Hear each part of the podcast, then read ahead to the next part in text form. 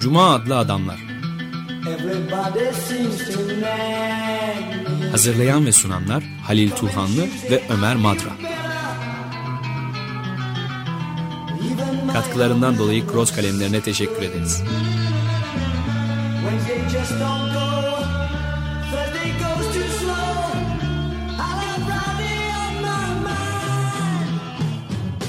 Merhaba Halil, hoş geldin. Teşekkürler. Konumuz da var. Konumuz Besim, Profesör Besim Dellaloğlu. Ona da hoş geldin diyelim. Teşekkür ederim. Hoş geldin. Hafta başından beri duyuruyoruz. Bugünkü programda Adorno'yu konuşacağız. Adorno'nun tekrar gündeme gelmesinin nedeni bir biyografi yayınlandı. Bir de e, sahicilik jargonu adlı Adorno'nun önemli bir e, kitabı yayınlandı peş peşe. E, Adorno ve Frankfurtçuları bu programda biz e, sık sık söz ediyoruz kendilerinden. Bu kez de e, konuğumuzla birlikte konuşacağız. Konuğumuz Frank, e, Frankfurt Okulu üzerine çok yazmış bir, bir akademisyen. Hemen ben başlıyorum. İlk soru Adorno'nun çocukluğuyla ilgili. Frankfurt'ta geçen bir geçen yüzyılın başlarında 20. yüzyıl başlarında geçen bir çocukluk. Aslında büyülü bir çocukluk. Berlin'de Benjamin'in çocukluğuna da benziyor. Güçsüzlerin güçlü çocukluk diyor. Bir burjuva ailesi de biraz da e, müziği, eğlenceyi seven bir aile aslında anne tarafından. E, laik, e, seküler Yahudi ailesi. E, Alman toplumuna entegre olabileceklerini, asimile olabileceklerini ve uyum içinde yaşayabileceklerini düşünüyor anne babası, ebeveynleri. E, bunu da biraz da Göte'yi seviyorlar. Bütün Almanlar, Frankfurt Yahudi nüfusunun yoğun olduğu bir şehir. Fakat bir yandan bir de Heinrich Heine örneği var. Adorno'nun için Heine bir yaradır diyor. Bir Yahudi, Yahudi geleneklerinden kaçan, e, Avrupa'ya ait olmak için Hristiyan, e, baptiz olan ama buna rağmen de pek sevilmeyen. Heykeli dikildikten sonra bile gamalı haç resimleri çiziliyor. E, o kuşak, Adorno'nun kuşağı ebeveynleri biraz naif buluyorlar galiba. Alman toplumuna tam olarak kabullerinin zor olduklarını biliyorlar. Hatta imkansız olduklarını biliyorlar. Biraz böyle bu anlamda da pek çok bakımdan e, ba- babaları ve anneleriyle bir çatışmaları var ama böyle bu açıdan da bir çatışma var galiba. Doğru söylüyorsunuz. Aslında e, şimdi söylediklerinizden bir şey hatırladım. E, Gershom Scholem'in bir kitabı vardır. Benjamin'le e, hatıralarını yazdığı bir dostluğun hikayesi diye. Orada küçük bir anekdot aktarayım isterseniz direkt. Bir gün 16-17 yaşlarında Gershom Scholem yani yine aynı Adorno ve Benjamin'in kuşağından Yahudi bir aileden gelen orta üstü sınıflardan bir işte daha sonra Yahudi teoloğu olan, Kabala uzmanı olacak olan bir gün e, babasına der ki ben Yahudi olmak istiyorum. Ve babası der ki kendisine oğlum der e, Yahudi olmak e, ne demek? Yani e, Yahudi zaten sinagoga giden Alman demektir. E, Gershom Scholem e, şöyle der o çok ben bu bana yetmiyor. Daha fazlası gerekli. Şimdi e, ben bu Benjamin üzerine falan çalışırken o dönemi de biraz okumuştum. Dedikleriniz çok doğru. Bu kitapta da değiniyorlar zaten. E, bu Adorno'ların, e, Scholem'lerin, Benjamin'lerin anneleri, babaları yani buna ne demek oluyor? Onlar 1890'lar, 1900'lerin başı doğduğuna göre bir 30 yıl ekleyin işte 1870-60'larda doğan kuşak ilk Yahudi asimile kuşağı. Ya bu terim terminoloji Batı literatüründe kullanılır. Asimile Yahudi kuşağı. Yani onların babaları kendilerini artık yavaş yavaş tırnak içinde tabii Alman toplumundan söz ediyorsak Alman hisseden ilk Yahudi kuşağı. Ee, e, dolaylı bir şekilde bir entegrasyon var, katılım var. Şimdi e, bu söylediğiniz demin işaret ettiğiniz şu açıdan önemli. E, aslında bu bu asimilasyon aslında Adorno'ların kuşağını radikale, radikalize eden şey. Evet. Yani isyankar hale Evet. getiren şey. Bunu çok geniş anlamda anlamak lazım bu isyanı bence. Bu politik de bir isyan tabii. Yani bunların çoğu Frankfurtların çoğu zaten e, Marksist kökenlidir falan ama e, sadece o kapsamda ele almanın ben sınırlayıcı olabileceğini düşünüyorum. Yani mesela Gershom Scholem e, 20'lerde e, Kudüs'e yerleşecektir. Kariyerini orada devam edecektir. Yani daha o zaman İsrail bile yok. Üniversitede profesör olacak falan filan. Ondan sonra e, dolayısıyla Kabala uzmanı olarak kariyerini tamamlayacaktır. Ama o da bir isyandır aslında. Yani o da teolojik bir isyandır. Kabalacı bir isyandır. Ya da bütün bu erken modernizm Yani e, tahmin edersiniz 1800'lerin sonu 1900'lerin başı bu kuşağın doğduğu dönem aynı zamanda batıda estetik modernizm patladığı. işte plastik sanatlarda, müzikte, edebiyatta, şiirde, şurada burada. E şimdi bunların içinde de çok, çok ciddi Yahudi yaratıcılar var. Evet, Ee, evet, şimdi dolayısıyla bunu çok geniş bir isyan ol- olarak yani e, kimi zaman çok politik, kimi zaman çok kişisel, estetize edilmiş ve sanata dönüşmüş. Kimi zaman teolojik, mistik şekilde e, tezahür etmiş isyanlar olarak e, anlamak lazım bence. Pardon ben ufak bir parantez açabilir miyim? Yani asimilasyondan tam olarak burada neyi kastediyoruz? Yani asimile olduklarını e, söylediğiniz dönemden önceki ilişkili biçimi nasıldı? Şöyle bir şey söyleyeyim size mesela e, çok vurucudur bu bana beni çok etkilemiş bir yerde okudum duydum derslerde bile çok e, temas ederim buna mesela 19. yüzyılın sonuna kadar Yahudi piyano virtüözü yoktur ama keman virtüözü çoktur. Evet. Şimdi bu bile e, to- Yahudi toplumunun batıda Avrupa'da e, nasıl bir varoluş e, çok güzel söyledin. Yani yerleşiklik duygusunun eksikliği e, nasıl diyelim e, e, sürekli bir bilinçte en azından göçebelik ama yer yer e, sosyal göçebelik yani fiziki demografik göçebeliği de şey yapan E, hatta buradan sizin ilk söylediğinizi de bağlayabiliriz. Yani mesela bu kuşakta inanılmaz yani kitabın adı Son Deha ama tek deha Yahudi dehası Adorno değil ki. Şimdi bu insanların IQ'suyla e, yani nasıl diyeyim e, doğuştan gelen bir takım e, zeka kapasiteleriyle açıklanabilir. Tabii ki bir kısmı. Ama bütünü bu şekilde görebilir miyiz? Çok zor geliyor bana. Yani bu sosyolojik, tarihsel bir şey aynı zamanda. Ee, yani e, mesela şöyle diyeyim size. O dönemde Adorno için de geçerli. Bu kitapta bunu çok rahat izliyoruz. Ortalama bir e, Yahudi ailesinde e, bizim ilkokul çağı dediğimiz 5-6-7 yaşlarına geldiği zaman çocuk 3-4 bir dil biliyor, 5 dil biliyor. Evet. Piyano işte piyano yoksa işte neyse keman çalmayı öğreniyor. Yani solfej biliyor falan filan. Dolayısıyla e, Yahudiler e, toplumda yerleşik hissetmedikleri için öyle bağlamaya çalışayım. e, kendilerine yatırım yapıyorlar çocuklarına. Toprağa veya sermayeye, fabrikaya değil. E çünkü Viyana'da bir sorun olduğu zaman Başka yere götürecek. ee, bir doktorsa gider Paris'te de doktorluk yapar ama Viyana'daki e, fabrikayı satıp Paris'e yerleşmek çok daha zordur. Dolayısıyla sizin dediğinize böyle bağlantı kurabilirim. Dolayısıyla asimile kuşak ya da entegre kuşak artık bunları yaşamayan yavaş yavaş.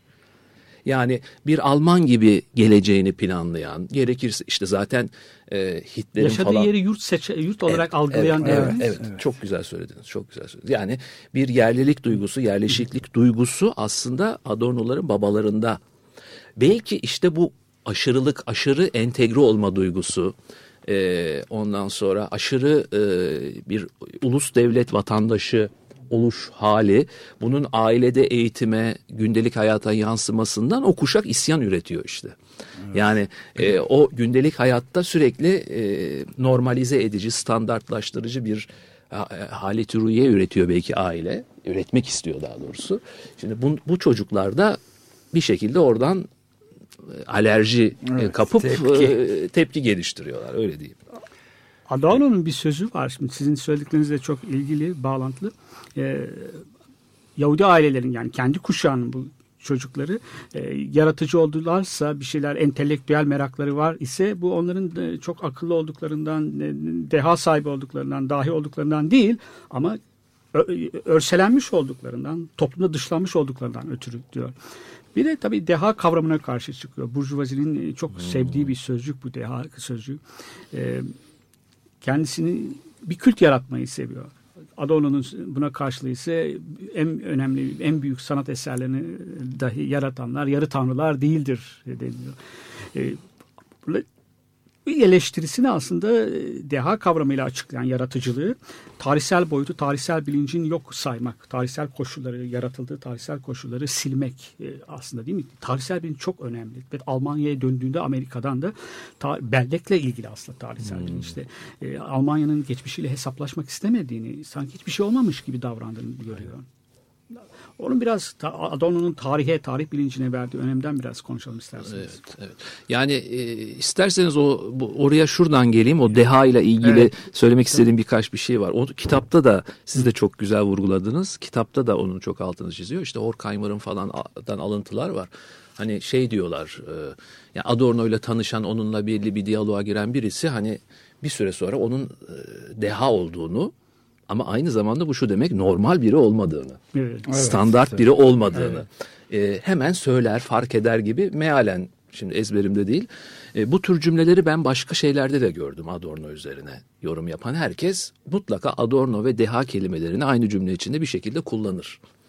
Ee, ama dediğiniz gibi kitapta da biraz altı çizildiği gibi yani bunun demin ben de e, söyledim hani dar anlamda bir IQ zeka meselesi değil de dediğiniz gibi tarihsel sosyolojik bir şey olduğunu. Yani siz evde 6 yaşında zaten 4 dil biliyorsanız iki tane müzik aleti e, çalacak şeydeyseniz e, zaten orada o iklim oluşmuştur. Buna şunu eklemek lazım tabii. Şimdi bu e, azınlık bilinci, e, farklı olma bilinci, e, yaşadığınız topluma e, e, kategorik bir aidiyete sahip olmadığınız bilinci aslında nasıl diyelim çok yani psikanalitik bir analiz yapmak benim boyumu aşar ama çok erken yaşta bence bir kendine ait bir dünya inşa etme Evet. bir farklı kişilik inşa etme ihtiyacı oluşturuyor. Şimdi bu sadece Yahudiler için söylemeyelim konumuz olduğu için ama kendini bir şekilde toplumla mesafeli hisseden herkes için alternatif bir dünya dolayısıyla tırnak içinde bir dünya yaratma bir aslında o da bir sizin deyiminizde bir tepkidir aslında. Şimdi o tepki aslında ay- aynı zamanda çok yaratıcı bir şey. Yani e, dışarıya deha olarak gözüken yani normal olanlara öyle diyeyim Evet. standart olanlara deha olarak gözüken aslında o farklılık. Yani dediğiniz gibi o farklılıkta sosyolojik, tarihsel bir şeyden besleniyor aslında. Yani Yahudi oluştan Ya besleniyor. onun önemli bir payı var aslında. Çok önemli. Mesela şimdi aklıma sizi dinlerken deminki konuşmanızda aynı zamanda aklıma Kafka geldi mesela. Şimdi aynı şey onun için de Evet, geçerli. evet, doğru. yani e, Prag'da doğumlu bir Almanca yazan bakın inanılmaz bir e, e, şeyde Deleuze ve Gattari'nin e, Minör, Edebiyat, Edebiyat. kitabında bunu çok güzel anlatırlar. Kendisine ait olmayan bir dilde. Evet, Yahudi oluş tam bu onların terimi. Ya, ya- Yahudi oluş bizatihi bir şey. Ee, bir yaratıcılık, deha işte burada Öncü konuştuğumuz. olmak aslında. Yahudi Evet, olmak evet, öncü evet. olmaktır. Yani Avantgard olmak. Prag'da yaşıyorsunuz, Yahudisiniz ve Almanca. Ana diliniz Almanca. Ya şey diyeyim, edebiyat diliniz Almanca. Evet, Şimdi bu Alman dilinin büyük İçin- yazarı oluyor Evet, yani. evet. Yani zaten yani Kafka oluşun orada da anlatırlar yazarlar bunu. Yani aslında Kafka oluş o metnin özgünlüğü aslında dili e, o metni üretenin o dilde misafir olması. Yani kiracı olması. Konuk Yani olması. konuk olması anlatabiliyor muyum? Yani o o o e, o özgünlüğü sağlayan o aslında özdeşsizlik. E, Adorno'nun da çok e, felsefesinin en belki indirgeyece temel kavramlardan biridir bu. Yani non identity işte Evet, İngilizce evet, söylersek. çok- Özdeş olmama hali. O özdeşsizlik aslında dediğiniz gibi tarihsel artık bilincin e, sosyoloji ve tarih işte Yahudi oluş diyorum ben dönüp dönüp. Doğru. Yani bilincin derinliklerine o kadar sızmış ki artık. Ee, yani e, hatta Adorno'nun o hiçbir şeyi beğenmemesi, her şeyi eleştirmesi, böyle e, bir tür aslında tırnak içinde şımarıklık, e, yukarıdan bakış, elitizm falan filan. Şimdi Ama bütün güzel bun- bir elitizm aslında. Evet, bütün bunlar aslında buradan besleniyor e, dönerek dönerek sürekli aslında. Kafka ile şu da eklenebilir. Ee, Aslında hepsi için geçerli ama Kafka'da çok belirgin. Bir entelektüel etkinlik onları güçlen, güçlendiriyor. Kafka bünye olarak da zayıf. Herhalde yazması, yazarak güçlenmiş. evet, yani evet, yazmasaydı o kadar kısa bir ömrü vardı Evet, ama yazmasaydı o kadar da yaşayamazdı deniliyor Kafka için. Şimdi bir de o çocukluklarına pek tekrar dönüyorum. Biyografi Tabii. aslında yayınlanan biyografi e, çıkış noktamız. E, Kendi aile ortamını dışarıdakiyle kıyaslıyor Adorno. Mesela dört el piyano çalmak. iki kişinin piyano başına oturup çalmaları. Aile ortamında öyle çalarlarmış. Ama burada iki, e, pek fazla alıştırma yapmadan çalınıyor ve çalanların yanlış nota basmaları, yanlış yapmaları çok e, büyük, bir büyük yüksek bir ihtimal. Ama dışarıdaki izleyici o ev ortamını tercih ediyor. Dışarıdaki opera izleyicisinin örneğin konser izleyicisini biraz ham buluyor. Hem ne, ne burjuva, tam burjuva değil, feodal kalıntılar da işlerine girmiş. Biraz da görgüsüz daha şık görünmeye, orada şık görünmeye eseri anlamaktan tercih ediyorlar. Eserle aralarında bir ma- mesafe olduğunu söylüyor. Ve bir de ayrıca opera dinleyicisinin, e, opera izleyicisinin gelişmeleri izleyemediğinden yakınıyor. Hala diyor Ayda'yı güzel bir opera olarak bahseden bayanlar görüyorum, onu duyuyorum diyor. Oysa Wozzeck çıkmış, Mahogany gibi operada yenilenmeler var. Çok keskin, az önce sizin söylediğiniz gibi acımasız bir eleştirmen Burjuva kültürünü. Burjuva. Ama bir yandan da o çocukluğuna da zaman zaman dönüyor tekrar. Evet, evet. Şeyden çok etkilendiği kesin. Yani burada da ben e, daha önce bir sürü kitap okumuştum ama burada bu kitapta olan bazı detayları ilk kez burada görüyorum. Yani e, işte annesi ve teyzesinin e, onun üzerinde etkisi e, bilinen bir şey ama burada bunun e, bilinmeyen daha şimdiye kadar Şarkıcı literatürde- annesinin olması. Evet yani işte e, annesinin gençlik kızlık soyadını kullanması Evet, Adorno- işte o da çok e, ilginç bir çok şey. ilginç bir şey yani e, Belki burada e, bir araya girip e, Tabii. kitabın e, şeyini de vereyim künyesini bu, bu kitap derken Detlev Clausen'in Son Deha Theodor Adorno adlı kitabını e, Yapı Kredi yayınlarından yayımlanmış bir biyografi çalışmasını Dilman Muradoğlu'nun da Türkçe'ye çevirisiyle. Yani bahsettiğimiz kitap e, ana adları itibariyle bu Adorno'nun düşüncesi ve hayatı üzerinde konuşuyoruz.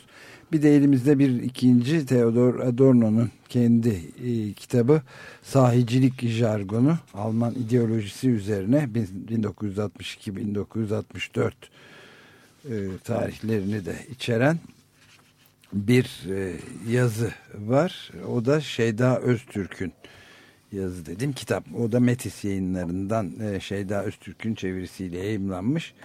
Onları da burada belirteyim ki da konuşulan daha da bir temele otursun diye pardon. Rica ederim.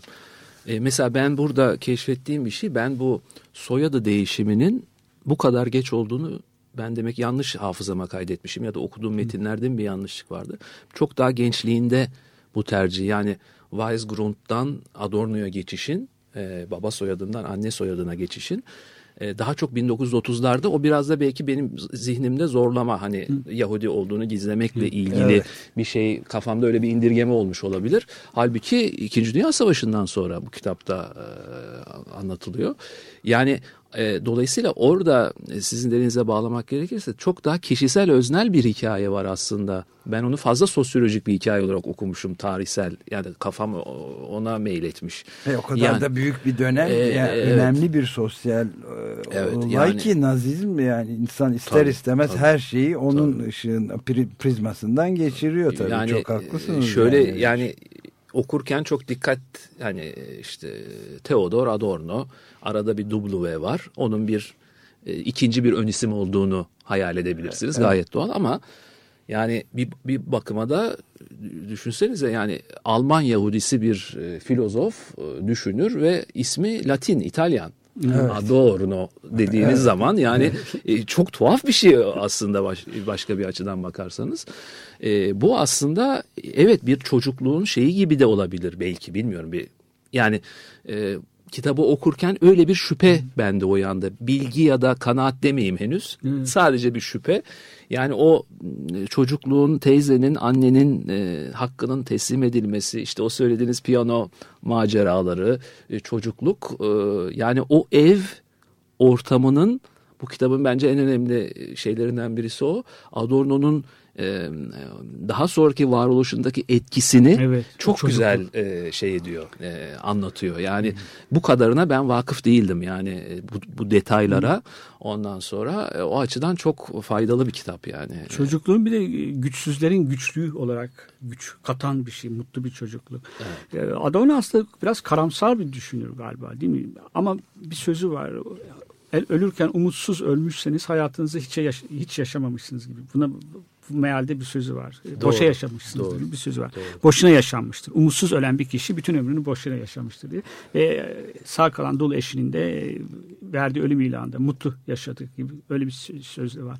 E, Sonunda galiba o mutsuz, karamsar Adorno, biraz karamsarlık aslında Almanya'ya dönüşte kendisiyle hesaplaşmak istemeyen bir toplum bulması. Onu biraz da karamsarlığa şey yapıyor. Hiç e, geçmiş hemen unutmak isteyen, yakın geçmiş unutmak isteyen bir Almanya var. E, Çok da büyük bir felaketi unutmak istiyorlar. E, Karamsar bir düşünür olduğu söylenebilir. E, Ama o da sonuçta Benjamin gibi e, umutsuzlar bu, bu dünyada umut bize umutsuzlar olduğu için verilmiştir sözüne bağlandığı hatta umut ilkesine bağlandığı söyleyebilir miyiz Adorno'nun?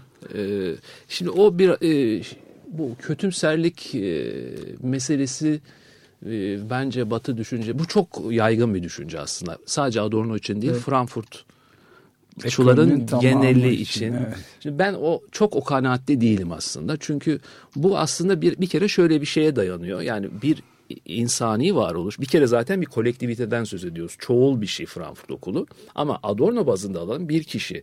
Bir kişi aslında bir kişi midir? Yani bir insan e, sadece akıl mıdır? Sadece yani bir birim midir, ünite midir insanın içinde gerilimler, çelişkiler, inişler, çıkışlar, dalgalanmalar olmaz mı? Şimdi bu çok bana biraz kategorik geliyor. Bunu anlatmak için Adorno'nun da alıntılanmaktan çok zevk aldığı Gramsci'nin bir sözünü hatırlatayım size. Cevap olsun. E, Gramsci e, hapishane defterlerinde ya da bir arkadaşına yazdığı bir mektupta e, bu cümleyi kullanır. Aklın kötümserliği, iradenin iyimserliği. İnsan çoğuldur, birey çoğuldur. Yani akıl var, vicdan var, yürek var, e, irade var. Şimdi yani aklınızla kötümser olursunuz. Şimdi Adorno'nun yerine koyarak kendimizi düşünürseniz siz de onu demin yaptınız. Yani 1930'ları yaşayan bir Alman Yahudisinin iyimser olması nasıl beklersiniz bir kere? Yani şimdi akıl var, vicdan var yani. şimdi dolayısıyla e, işte Auschwitz'ten sonra şiir yazmak barbarlıktır demek aslında onun işareti. Ama bu şu demek değil. Yani önünüzde bir toplum var. Sizin aklınız, fikriniz var. Okuyorsunuz, yazıyorsunuz, eleştiriyorsunuz, değerlendiriyorsunuz. Ondan sonra ütopyalarınız, işte idealleriniz falan var. Ondan sonra e, do- dolayısıyla e, bu kadar pesimist, bu kadar e, kötümser biri hadi 30'lara kadar zaten e, soykırıma kadarki dönemini şey edelim. E, 45'ten 69'daki ölümüne kadar niye yazdı, çizdi, uğraştı bu adam? Binlerce sayfa e, kitap yazdı. Yani İzah edemezsiniz Yani bu, bu, bu kötümserlik hani şey inzivaya çekilelim bir daha kulübede yaşayalım falan böyle bir şey yok. Dolayısıyla bu e, ya da şöyle bir başka bir versiyonda bunun daha çok Ortodoks Marksizm'den gelen eleştiri. Demin sizinle de konuşuyorduk girişten önce. Yani işte dar anlamıyla parti siyasetine gençliğinden sonra girmemesi. Hani, Tamam ben sosyalistim, komünistim ama te- işte hangi ülkedeysem oranın Komünist Partisi'ne üye değilim. Şimdi böyle bir sosyolojik varoluş zaten e, sizi kategorik olarak şey e, dışı nasıl diyeyim apolitik bir şeye Kategorisi. Kızıyorlar değil mi evet ona? evet çok işte yani bunlar örgütlü e, siyaset yapmadılar falan ama şimdi bu bu da o kadar basit değil bu da Evet, o kadar de basit öyle. değil yani e, yani dilerseniz bunu daha fazla açarız. Bunu da çok söyleyecek sözüm var benim ama şimdi bütün şeyi buna gömmeyelim. Ama bu da çok indirgemeci. Bak şöyle diyeyim yani kısa yoldan O şeyler aslında doğru. Yani partinin dışında kalmaları çok da haksız değil bugünden baktığımızda. Üstelik de proletarya devrim, çok devrimci bir güç olarak görmemeleri de haklı. Marcuse'de çok belirgindir o. Evet. Ee, işçi sınıfının am- a- 1945'ten sonra Avrupa'da, Batı'da de- devrimci bir güç olmaktan çıktığını söylemesi e, çok eleştirilir. Ortodoks soldan eleştiri gelir ama çok da ha- savları, Marcuse'nin savları haksız da değildir aslında. evet bence Evet, yani bence- kötümserlik e, konusunda söylediğiniz de çok e, önemli. Benim aklıma da e, şey, Primo Levi getirdi mesela. Yani Hmm. sonunda da intiharla noktalıyor ama sonuna kadar da yazıyor, çiziyor. Büyük bir e, entelektüel faaliyet gösteriyor. Şimdi ona da e, elbette be- belli bir kötümserlikten bahsetmek kolay e, ve mümkün. Ama bu belirleyici değil. Yani o açıdan çok Bir Şey de e, şimdi sizi dinlerken aklıma yine kötümserlikle ilgili Benjamin'in bir lafı. Sanırım tarih tezlerinden. E, bir yerde Melankoliyle şeyden, ilgili bir şey. e, kötümserliğin örgütlenmesinden söz eder. Evet. E, Benjamin, yani kötümserlik kötü bir şey değil aslında. Evet, yani evet, tabii. şimdi kötümserlik isyanın şeyi e, Olumsuzlama için geliyor. Ön koşul evet, aslında. Evet, yani negatif bir bakışın, eleştirinin, isyanın, direnişin e, temelini oluşturabilecek bir şey. Yani her şeyden mutlu mesutsanız Marcuse'de vardır. Mutlu yani o zaman eleştirir. e, o zaman eleştiriyi nereye e, inşa edeceksiniz? Yani e, dolayısıyla e, e, nasıl diyeyim belli bir dozda kötümserlik diyelim Evet. hani iyi yaratıcı bir şey inşa edici. Özgürleştirici siyasetleri Ha, ateşleyen ama bir şey. dediğiniz gibi belki orada kabul edebileceğimiz belki hani o dozajın bir doz aşımı varsa orası neyse neresiyse bilmiyorum. Ondan sonra hani çok e, çok sekter, çok e, içe dönük, e, izolasyoncu bir hayat e, sürmenize neden oluyorsa belki bu hani kötümserliğin olumsuz tarafı ama yani belli bir noktaya kadar bence Bir Demin Ömer Çok Madra ciddi bir sorun değil. ama bir şey söyleyeyim söz. Ee, şey yazdıklarından söz etti.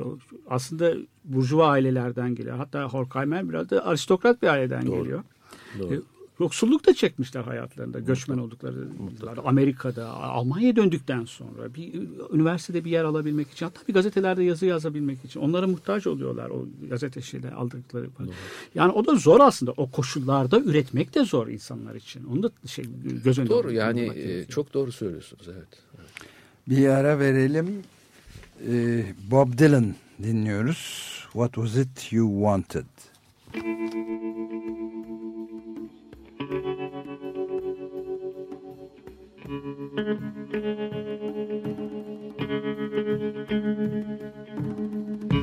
was it you wanted? Tell me again so I know what's happening in there. What's going on in your show? What was it you wanted? Could you say it again? I'll be back in a minute. You can get it together by then.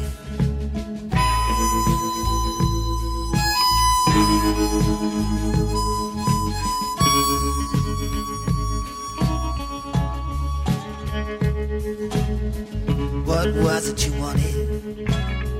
You can tell me I'm back. We can start it all over. Get it back on the track. You got my attention. Ahead speak. What was it you wanted? When you were kissing my cheek.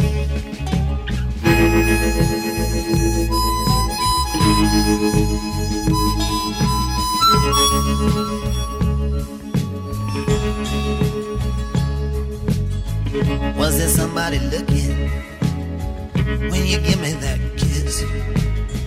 Someone there in the shadows, someone that I Is it something you needed? Something I don't understand. What was it you wanted?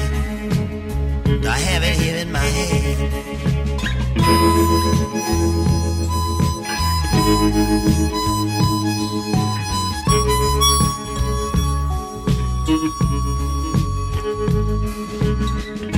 Whatever you wanted slipped out of my mind. Would you remind me again? If you'd be so kind. Has the record been breaking? Did the needle just skip? Is there somebody waiting? Was there a slip of the lip? What was it you wanted? I ain't keeping score. Are you the same person? What was it you wanted dinlemekteydik. Bob Dylan'ın son dönem şarkılarından biri. Ee, evet Cuma Adlı Adamlar programındayız Açık Radyo'da 94.9'da ve Profesör Besim Dellaloğlu ile birlikte konuğumuz o. Son Deha Theodor Adorno adlı biyografi kitabını Detlef Klausen'in ve aynı zamanda Theodor Adorno'nun kendisinin de sahicilik jargonu adını taşıyan kitapları. O da Metis yayınlarından biri yapı kredi yayınlarından biri de Metis'ten çıkmış olan. Bu iki kitap var elimizin altında ama oradan kalkarak tümüyle Adorno'nun Frankfurt Okulu'nun ve dönemin üzerinde derinlemesine e, konuşmaya çalışıyoruz. Ee, Adorno'dan konuşurken araya bir Bob Dylan e, çaldık ama Adorno belki Bob Dylan'ı sevmez. Popüler müziğe çok ön yargısı var. Fakat Marcuse'nin hayran hayranlarından biriymiş e, Bob Dylan. Öyle mi? Evet. Şiir, şair olarak çok seviyordu. Şimdi Adorno çok zor anlaşılan birisi. Marcuse dahi. E, ben anlamakta güçlük çekiyorum de- demiş bir yerde. Fakat bazı sözleri de çok alıntılanan, Auschwitz'ten sonra şiir yazmak barbarlıktır, yanlış bir hayat doğru yaşanmaz. Fakat bu çok alıntılanan, alıntılanan sözleri dahi yanlış anlaşılıyor galiba. Auschwitz'ten sonra şiir yazmak barbarlıktır. Örneğin Paul Celan'la anlaşamıyorlar bu konuda galiba. Paul Celan şiir yazarak o travmayı atlattığını, pek ne kadar atlattığı tartışılır ama zor anlaşılan sonuç olarak bir düşünür değil mi? Evet doğru. Hatta doğru. zor anlaşılmak için Ee, çaba sarf etmiş gibi bir hali var. Öyle bir izlenim de uyandırıyor. E, bu, bu bir yorumdur evet böyle söylenir ama ben ona çok e, katılmıyorum. Yani sadece son söylediğinize hani özellikle Evet. olan bir şeydir. Mesela yani e, şimdi geri dönüp bir iki adım geri dönüp hani deha da e, hani doğal bir şey değildir, doğuştan değildir, inşa edilen bir şeydir e, di- diye düşünürüm ben ama yani hadi deha olalım diye de deha olunmaz. Evet. Dolayısıyla bir sahicilik de var. Evet. Şimdi dolayısıyla bu dilin inşası e, mesela Adorno'nun bir sözü aklıma geldi. Diyor ki bir topluma e, onun dilini tekrar ederek muhalefet edemezsiniz. Çok doğru. Ee, şimdi dolayısıyla e, dil, dil şu açıdan çok önemli. E, şöyle e, gireyim konuya. Muhalefet dilde başlar gibi bir E, şey. mutlaka. Yani şimdi e, yepyeni bir dil demin söyle konuştuk yani çocukluktan itibaren bir azınlık bilinci, bir farklılık bilinci size ayrı bir dünya inşa etme e, motivasyonunu veriyor. O sanatta, felsefede, müzikte bir takım yaratıcılara e, dönüşüyor sonra. Şimdi aynı şey dil için de geçerli. Şimdi bunlar Yahudi. E, dolayısıyla Alman toplumunda yaşıyorlar. Almanca e, okuyup yazıyorlar ama dolayısıyla o özdeşsizlik ya da o mesafe o dili daha farklı kullanma, e, sıradan gündelik dilden ayrı bir şekilde kullanma neden oluyor. Tabii ikincisi bir de tabii entelektüel derinlik. Yani o da var. Şimdi bunların ikisi bir araya gelince e, yani şöyle e, düşünmek lazım bence. Bu aslında şey mesela Heidegger için de geçerlidir bence. Nietzsche için de geçerlidir. Kafka, Benjamin ne bileyim. Yani hep Almanca e, düşündüğüm için onlar aklıma geldi. Başka birileri de olabilir. Yani bunlara sadece filozof, düşünür gibi bakmamak lazım. Bunlar büyük yazarlar. Yani bu- bunlar roman yazmamış. O yüzden biz onu e, yazar olmaktan evet. çok filozof diyoruz ama aslında bunlar çok büyük yazarlar. Şimdi büyük yazarlığın en temel şeyi de kendine özgü bir e, dünya yaratmak ya da dil yaratmaktır. Şimdi dolayısıyla bu dil mutlaka ortalama dilden e, farklılaşacaktır bu işin doğası ama e, şeyin ne kadar Almancaya bağlı olduğunu ifade etmek için burada sanırım e, bu kitapta çok e, son Deha kitabında hatırlamıyorum gördüğümü ama daha başka okumalarımdan hatırladım. E, şeyin e, Almanya'ya dönmesi 50'leri buluyor Adorno'ların. Yani savaş 45'te sonunda. 40'ların sonunda dönüyorlar. Bir takım müzakereler, pazarlıklar hani işin tabii şey tarafları da var. Hani Amerikan pasaportunu bırakmayız ha falan gibi boyutları da var. Ama şöyle bir şey de var. Çünkü orada bir sonuçta bir yerleşmişler bir kurum var artık yani Almanya düşünsenize yani birkaç sene önce soykırım olmuş orada yani, Evet, yani kolay bir şey değil bu. öyle Ama Alman yok. e, şöyle bir laf o- e, emin değilim ben abartıyor olabilirim. E, şöyle bir lafı sanki hatırlıyorum. Ben Almanya'ya dönmüyorum, Almanca'ya dönüyorum.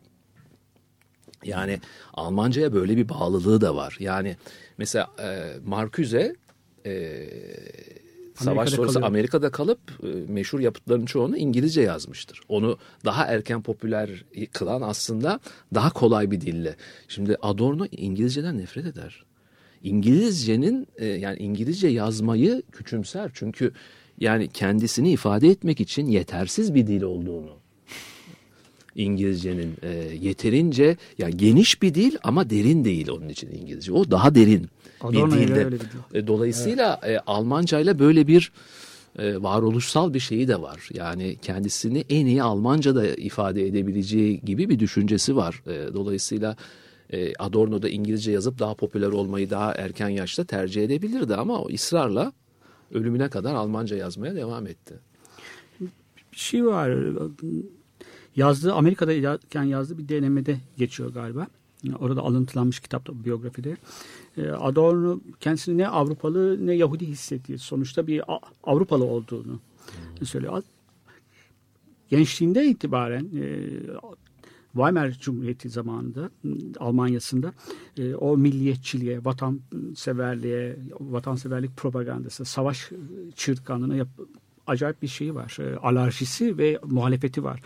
O vatan sözcüklerinden falan giderek nefret ediyor ve yurtsuz olmayı tercih ediyor. Ama yurtsuzluk da insana bir kay, kaygı veren pek hmm. bir rahat bir duygu değil aslında.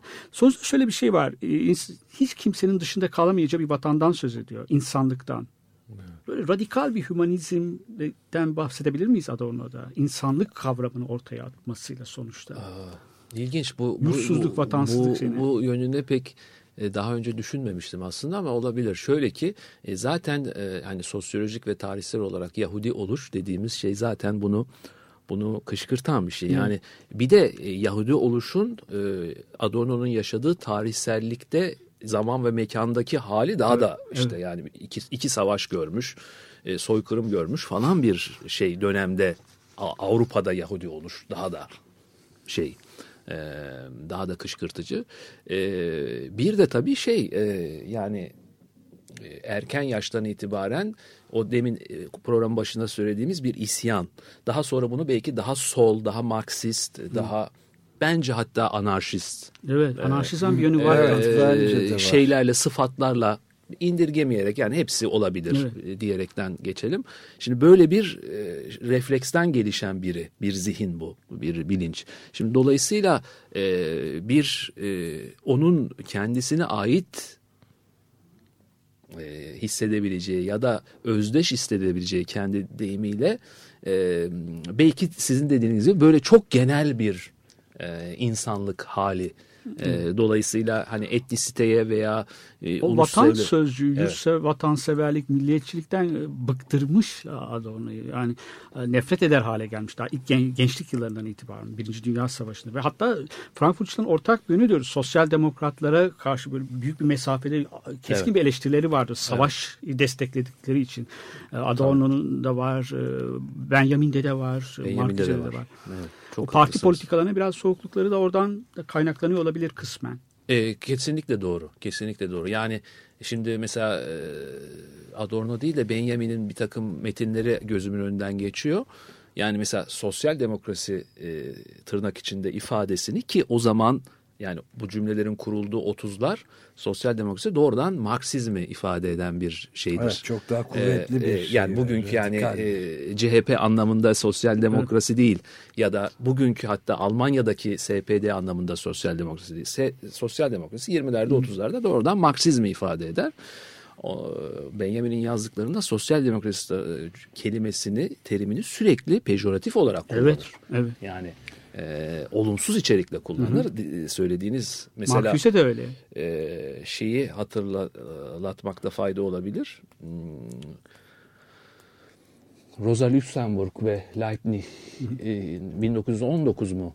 Spartaküs 18-19'da işte e, katliam yani öldürüldükleri dönemin iç işleri Bakanı bir sosyal demokrattır. Evet. Yani evet. Marksisttir. Evet. E, koalisyon içinde yani şey e, tek başına iktidarda değildir sosyal demokratlar ama e, İçişleri Bakanlığı o anda SPD'ye bağlıdır ve o dönemde öldürülmüştür mesela. Evet, ee, yani bu çok ilginçmiş yani. Sağcı bir parti olsa hani daha şey anlaşılabilir. Hani doğrulamak anlamında değil de. E, e, bugün bile aslında sosyal demokrasiye duyulan daha e, onun e, yani sol ve hümanist siyaset çevrelerinde diyelim e, daha ziyade böyle bir güvensizliğin hala bugün bile devam ettiğini söylemek mümkün sosyal demokrasiye. İskandinavya'da dahil. Yani e, belki de sebeplerini ta buradaki ihanetlerde arayıp bulmamız da mümkün. Olabilir evet. evet. Bilmiyorum yani bunu evet. ben de ilk defa düşündüm. Yani şey e, burada tabii Adorno e, Benjamin gibi o kuşağın Yahudi, Yahudi sol Marksist işte tırnak içinde ne dersek diyelim entelektüellerinde e, real sosyalizm diyeceğim ama o doğrudan Sovyet evet. ifade ettiği için ama nasıl diyelim e, ortodoks Marksizm Hı. ya da e, parti siyaseti o günkü Hı. Marksizm ya da sol adına konuşan örgütlü siyasetle 20'lerden itibaren çok ciddi sorunları var bunların. Evet. evet. Mesela Hoykarma'nın e, Komünist Parti üyesi olduğu söylenir gençliğinde ama sonra bu Lukas'ın başına gelenler ve evet. Karl partiden ihraç edilmesinden evet, evet, sonra o da yavaş yavaş kopar.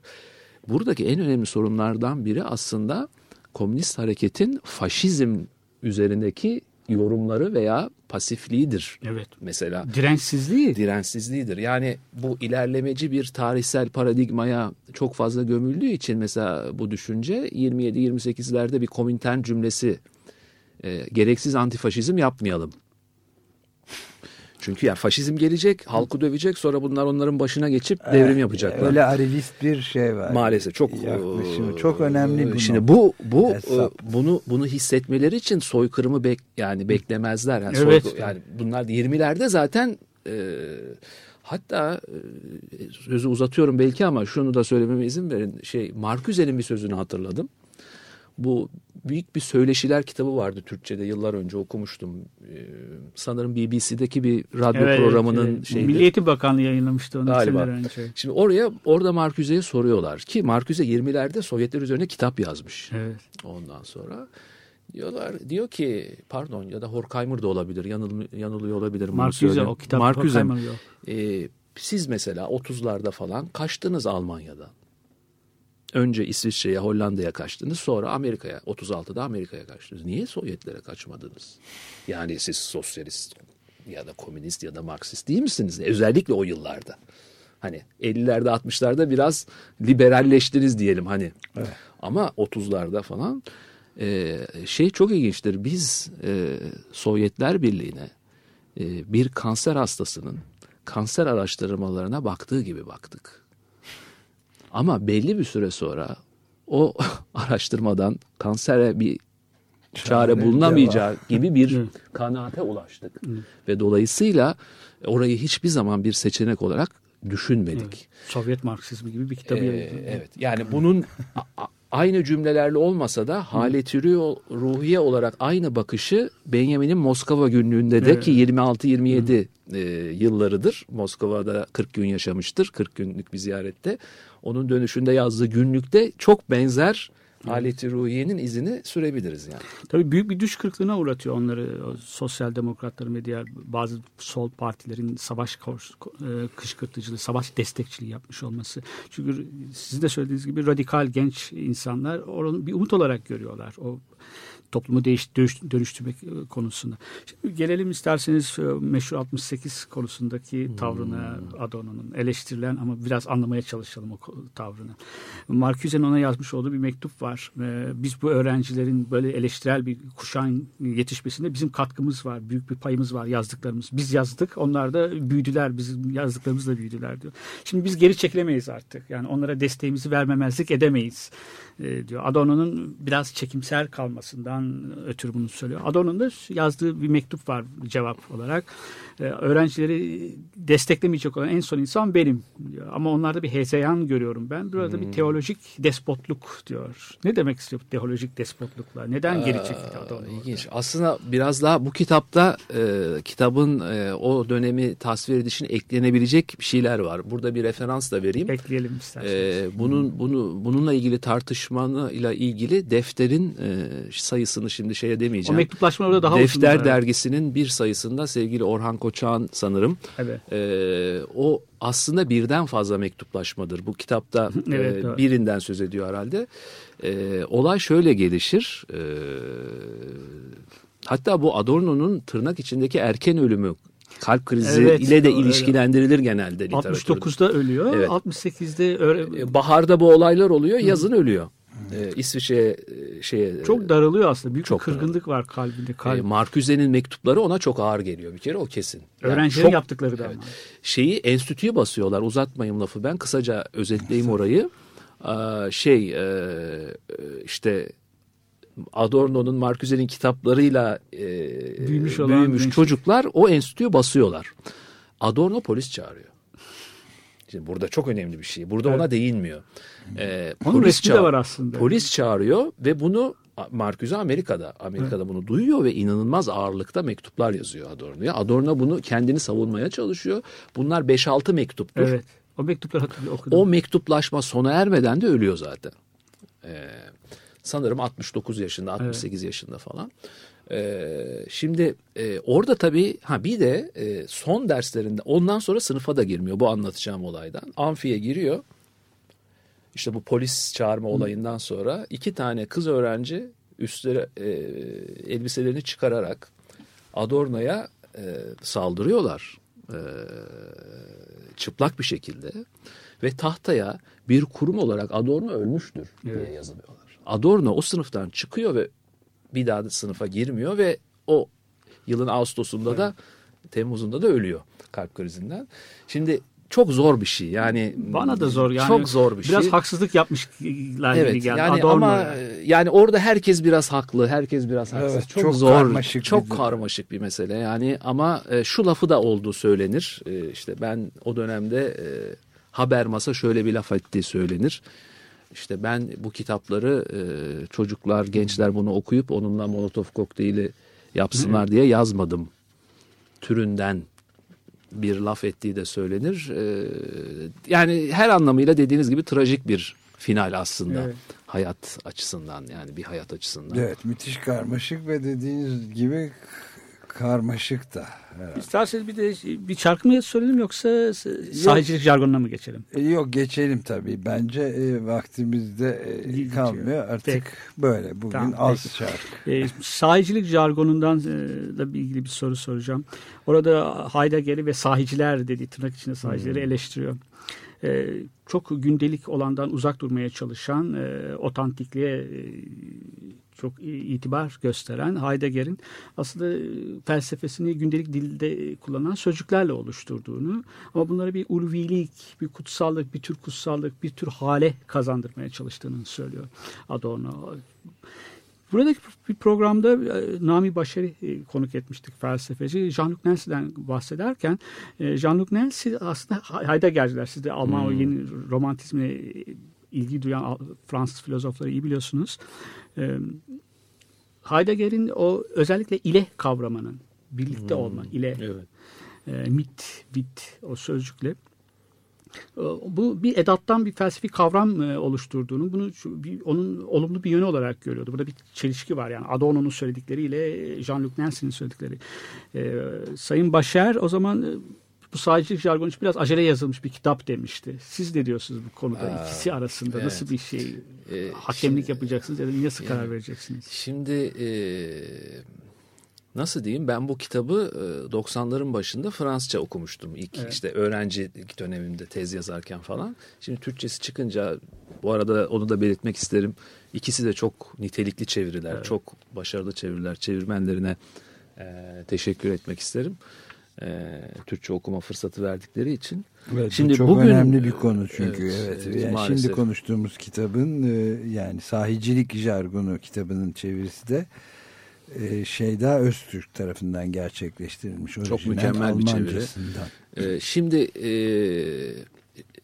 20 yıl önce ben de buna yakın cümleler kurmayı tercih ederdim ama bugün tekrar okuduğumda işte 20 yaşta daha büyüdük falan hayatta. Biraz daha farklı düşünmüyor değilim aslında. Şöyle ki e, belki her metni ama bu tür metinleri tarihsellikleriyle birlikte düşünmek lazım. İçinde yazıldıkları taslak koşuyor. Evet evet. Yani sadece metni değil de o bağlamı da görmek lazım. Şimdi yani bütün içerikten bağımsız Theodor Adorno'nun Martin Heidegger hakkında olumlu bir cümle kurması tarihsel olarak mümkün değildir. Evet. Yani e, yani Heidegger ağzıyla kuş tutsa ki tutmuştur bence çok büyük bir filozoftur. O ayrı bir mesele. E, ama Adorno e, yani gönlünü kazanması. Mümkün değil. Yani 30'lar işte Almanya, tö- 3. Ray işte soykırım. kalım her şeyin Yani sonu şimdi, yani. Şimdi şöyle bö- böyle bir şeyden şimdi çağdaş Fransız düşüncesinin Nancy ya da diğerleri tabii ki yani e, bütün post yapısalcı ekolün Heidegger'le Nietzsche'yle ilişkisini biliyoruz. Bu bunu ta- tartışmaya e, çok fazla gerek yok ama e, bu bu felsefenin nitelikli çok üst düzey bir felsefe olduğu konusunda da şüphe yok. Yalnız E, tabii ki birinci motivasyon bu. Bu mesafe. Bu Benjamin için de geçerlidir. Şimdi bir başka konu da e, aslında Adorno'nun söylemek istediği şöyle bir şey. Yani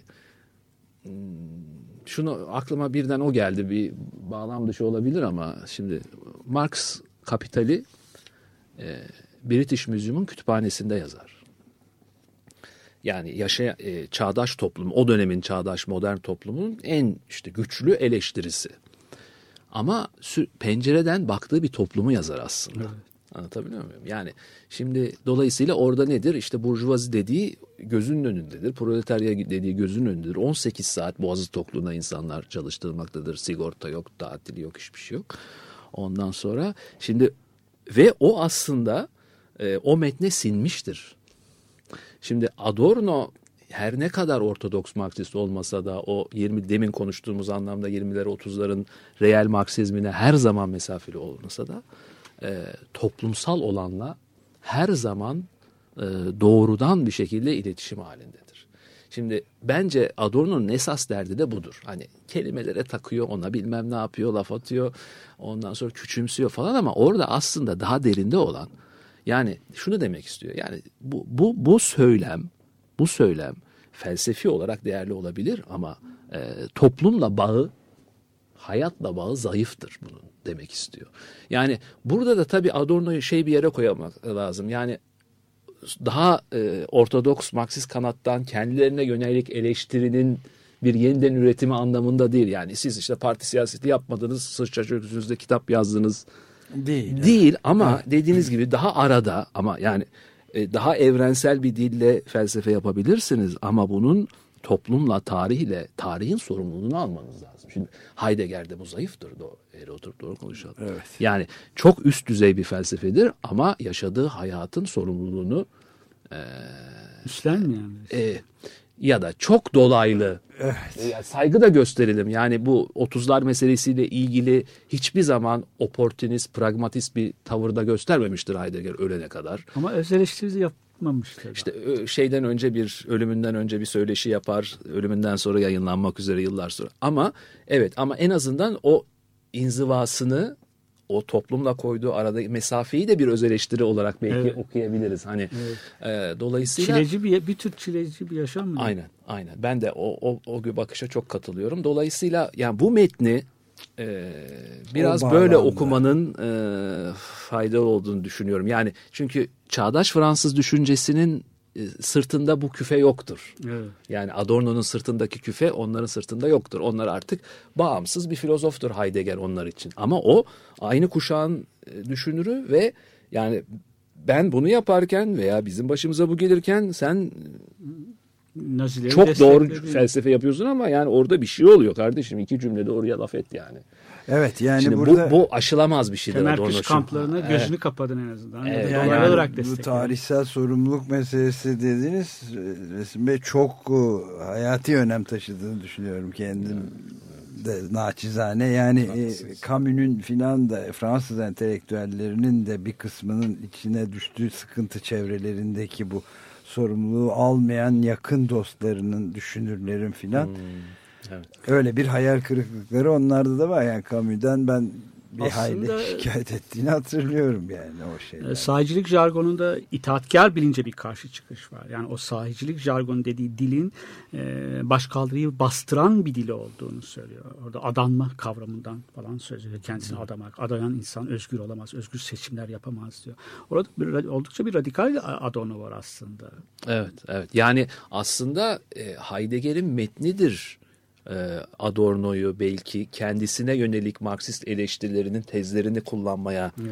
geri dönerek şey yapan. Yani o yüzden ben ikisinin arasında yani Ortodoks Marksizmin ekole karşı Frankfurtlara karşı kaba bence indirgemeci eleştirilerin ile Heidegger'in veya işte o ekolün varoluşçuluk diyelim belki ona. Hı hı. Ondan sonra o, o dünyanın e, e, ürettiği metnin e, hayatla kurduğu ya da kurmadığı e, ilişki arasında bir şeydir. Dolayısıyla o sizin radikallik diye ifade ettiğiniz e, bence e, şey. E, Çünkü radi, şöyle oradan şuradan yola çıktım. Negatif negatiflik üretmeyen, negatiflik yaratmayan, Evet, negatiflik evet. olumsuzlama içermeyen bir dil olduğunu söylüyor. Ee, Hatta sahicilik jargonu. şöyle bir şey aklıma geldi. Ee, Marcuse ölüm döşeğinde 79'da ölmüştü galiba. Ee, Habermas bunu ziyaret eder artık ölecek yani, ya, ya- ölüm döşeğinde. Ee, şöyle bir diyalog geçtiği söylenir e, aralarında. Habermas da ikinci kuşak işte e, Adorno'nun asistanı falan. E, e, Jürgen der yıllardır birbirimize sorduğumuz sorunun yanıtını buldum. Ee, soru da şu. Ee, bizi bir arada tutan nedir? Yani Frankfurt Okulu. Ya biz bir de hani hepimiz birbirinden farklı. e, işte dediğiniz fazla gururlu, fazla kibirli, öyle çok sosyal tipler falan değil Böyle bunlar. kolay da yani, al- al- ha, kolay iletişim. kazanacak Ya tipler biz diyorsun. nasıl, nasıl bir arada oldu? Bunu yıllarca aralarında çay kahve içerken konuşurlarmış. Bir türlü de cevap veremezlermiş. Yani ma işte ne hocam demiş bu. Herbert Biz- Marcuse'ye mi söylüyor? Her- Herbert Marcuse diyor e, bir kuşak Buldum sonraki ki, ya ha. buldum ben sonunda artık ölüm döşeğinde buldum. Nedir diyor. Ondan sonra biz her zaman ötekilerin acılarını önemsedik. Cevap bu. Yani anlamlı e, dolayısıyla o o damar e, işte Adorno'nun demek istediği bu kitapta işte o damar burada yok diyor aslında yani. Sahicilerde o Ha, damar ha, yok. Sahicilerde o damar yok diyor yani. Dolayısıyla onu bir büyük bir eksiklik olarak. Ama başka bir yönden de şimdi şu metni Türkçe okuduğum zaman demin söylediğim hani 20 yıl önce okudum şimdi okudum falan. Şimdi kullandığı dil lin e, derinliğine bakarsanız aslında bir yandan da Heidegger'le de atışıyor yani. Evet. Değil mi? Atışan bir metin. yani ben de böyle cümle kurarım kardeşim hani öyle e, Meydan yani yoksa bu bir eksiklik değildir. Hani biz beceremediğimizden yapmıyoruz. Beceririz ama biz hani toplumsal bir bilince, tarihsel bir sorumluluğa da sahibiz. Ee, yani e, dolayısıyla biçimsel olarak da onu form olarak da onu e, gösteriyor aslında. Yani hem öyle olup hem böyle de olabilirsiniz. Sizin ispatını aslında metinde inşa etmeye çalışıyor bir yandan da bence. Peki size teşekkür Evet, ediyoruz. Ben Çok teşekkür ederim. Çok güzel Son bir açıklaması olacak Ömer Mardan'ın yarın başlayacak olan Evet. destek projemizle. Demin son söylediğiniz de Susan Sontag'ı da hatırlattı bana başkalarının acısı meselesi. Doğru, çok çok doğru. önemli bir mesele bu empati meselesi yani. Evet çok teşekkürler gerçekten Ben teşekkür gayet ederim. aydınlatıcıydı. Biz e, işte bu programla beraber bugün son normal e, bir hafta için normal yayınımızı bu akşam kapatacağız. Yarın e, Açık Radyo'da bir bahar şenliği dediğimiz bir şey var. Dokuzuncusunu yapıyoruz aslında. Başta böyle şenlik gibi iddialı bir söz kullanmıyorduk ama giderek çok yüksek katılımla bizi de müthiş mutlu eden bir katılımla hale dönüştü epey zamandan beri. İşte 9 gün 99 saat yayındayız. Ve e, yarın sabah 10'da başlıyoruz. Yani pek çok zamandan beri e, Açık Radyo'nun yanında yer alan dostlarımız ve katılımcı dinleyici diyoruz onlara. E, ve onlardan oluşan bir, bir tür koro ama e, ne kadar e, dağınık bir ses çıkaracağını bilmiyoruz bu koronun. Ama curcuna olacağı kesin söz ve müziklerini bu koro e, bütün açık radyolarla ortak alanında paylaşılacak. Paylaşacağız. Yani şöyle de bir ibare kullandık son zamanlarda özellikle bu dünyanın baharına doğru gidilirken. Yani hem gezegeni hem çok önemli bir şekilde demokrasiyi hem ekonomiyi, meydanlarımızı, parklarımızı, topluluklarımızı, mahallelerimizi ve başka öteki bütün o hepimize ait olan paylaşmakta olduğumuz or, bütün öteki ortak alanları ve değerleri korumak için ortak bir ses çıkaracağız dedik. Ve bir de bu özel yayında iki tane de temamız var. Neredeyse bir yıla yayıldı bu bizim taşınma, e, sancılı bir taşınma maceramız var. Ama artık mutlu sona ulaşmak üzere. E, Bu kendimizi- binadaki son şey galiba. Evet bu Destek. binayı biraz da veda etme partisi de olacak Ee, ve bir onu söz konusu, söz konusu edeceğiz bolca. Bütün çünkü dinleyicilerimizden, destekçilerimizden epey imece usulü diyebileceğim o kelimeyi çok sevmemekle beraber e, bayağı katkıları oldu. Tabela yazmasını bilen tabela e, döşüyor ve hoş bir şey oldu yani sonuçta. E, bir onu konuşacağız. Bir de artık bir de baktık ki biz 17. yılda düpedüz dört nesli birbirine bağlayan bir insani hikaye de oluşturmuşuz. Yani babaanneler, oğullar, torunlar, torun çocukları birlikte bir ses verecekler. Dolayısıyla bakalım ne olacak? Dokuzuncusunu 9 saat, 9 gün 99 saat yayında olacağız. Peki çok teşekkür ederiz. Ben teşekkür ederim. Hayırlı olsun.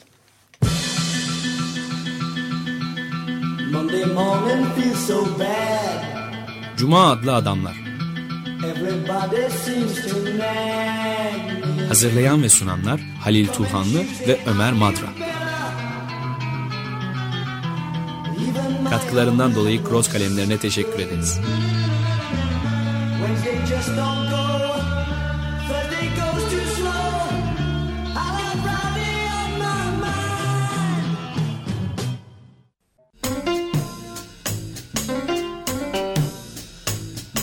Açık Radyo Dinleyici Destek Projesi 9. Radyo Şenliği yarın sabah başlıyor.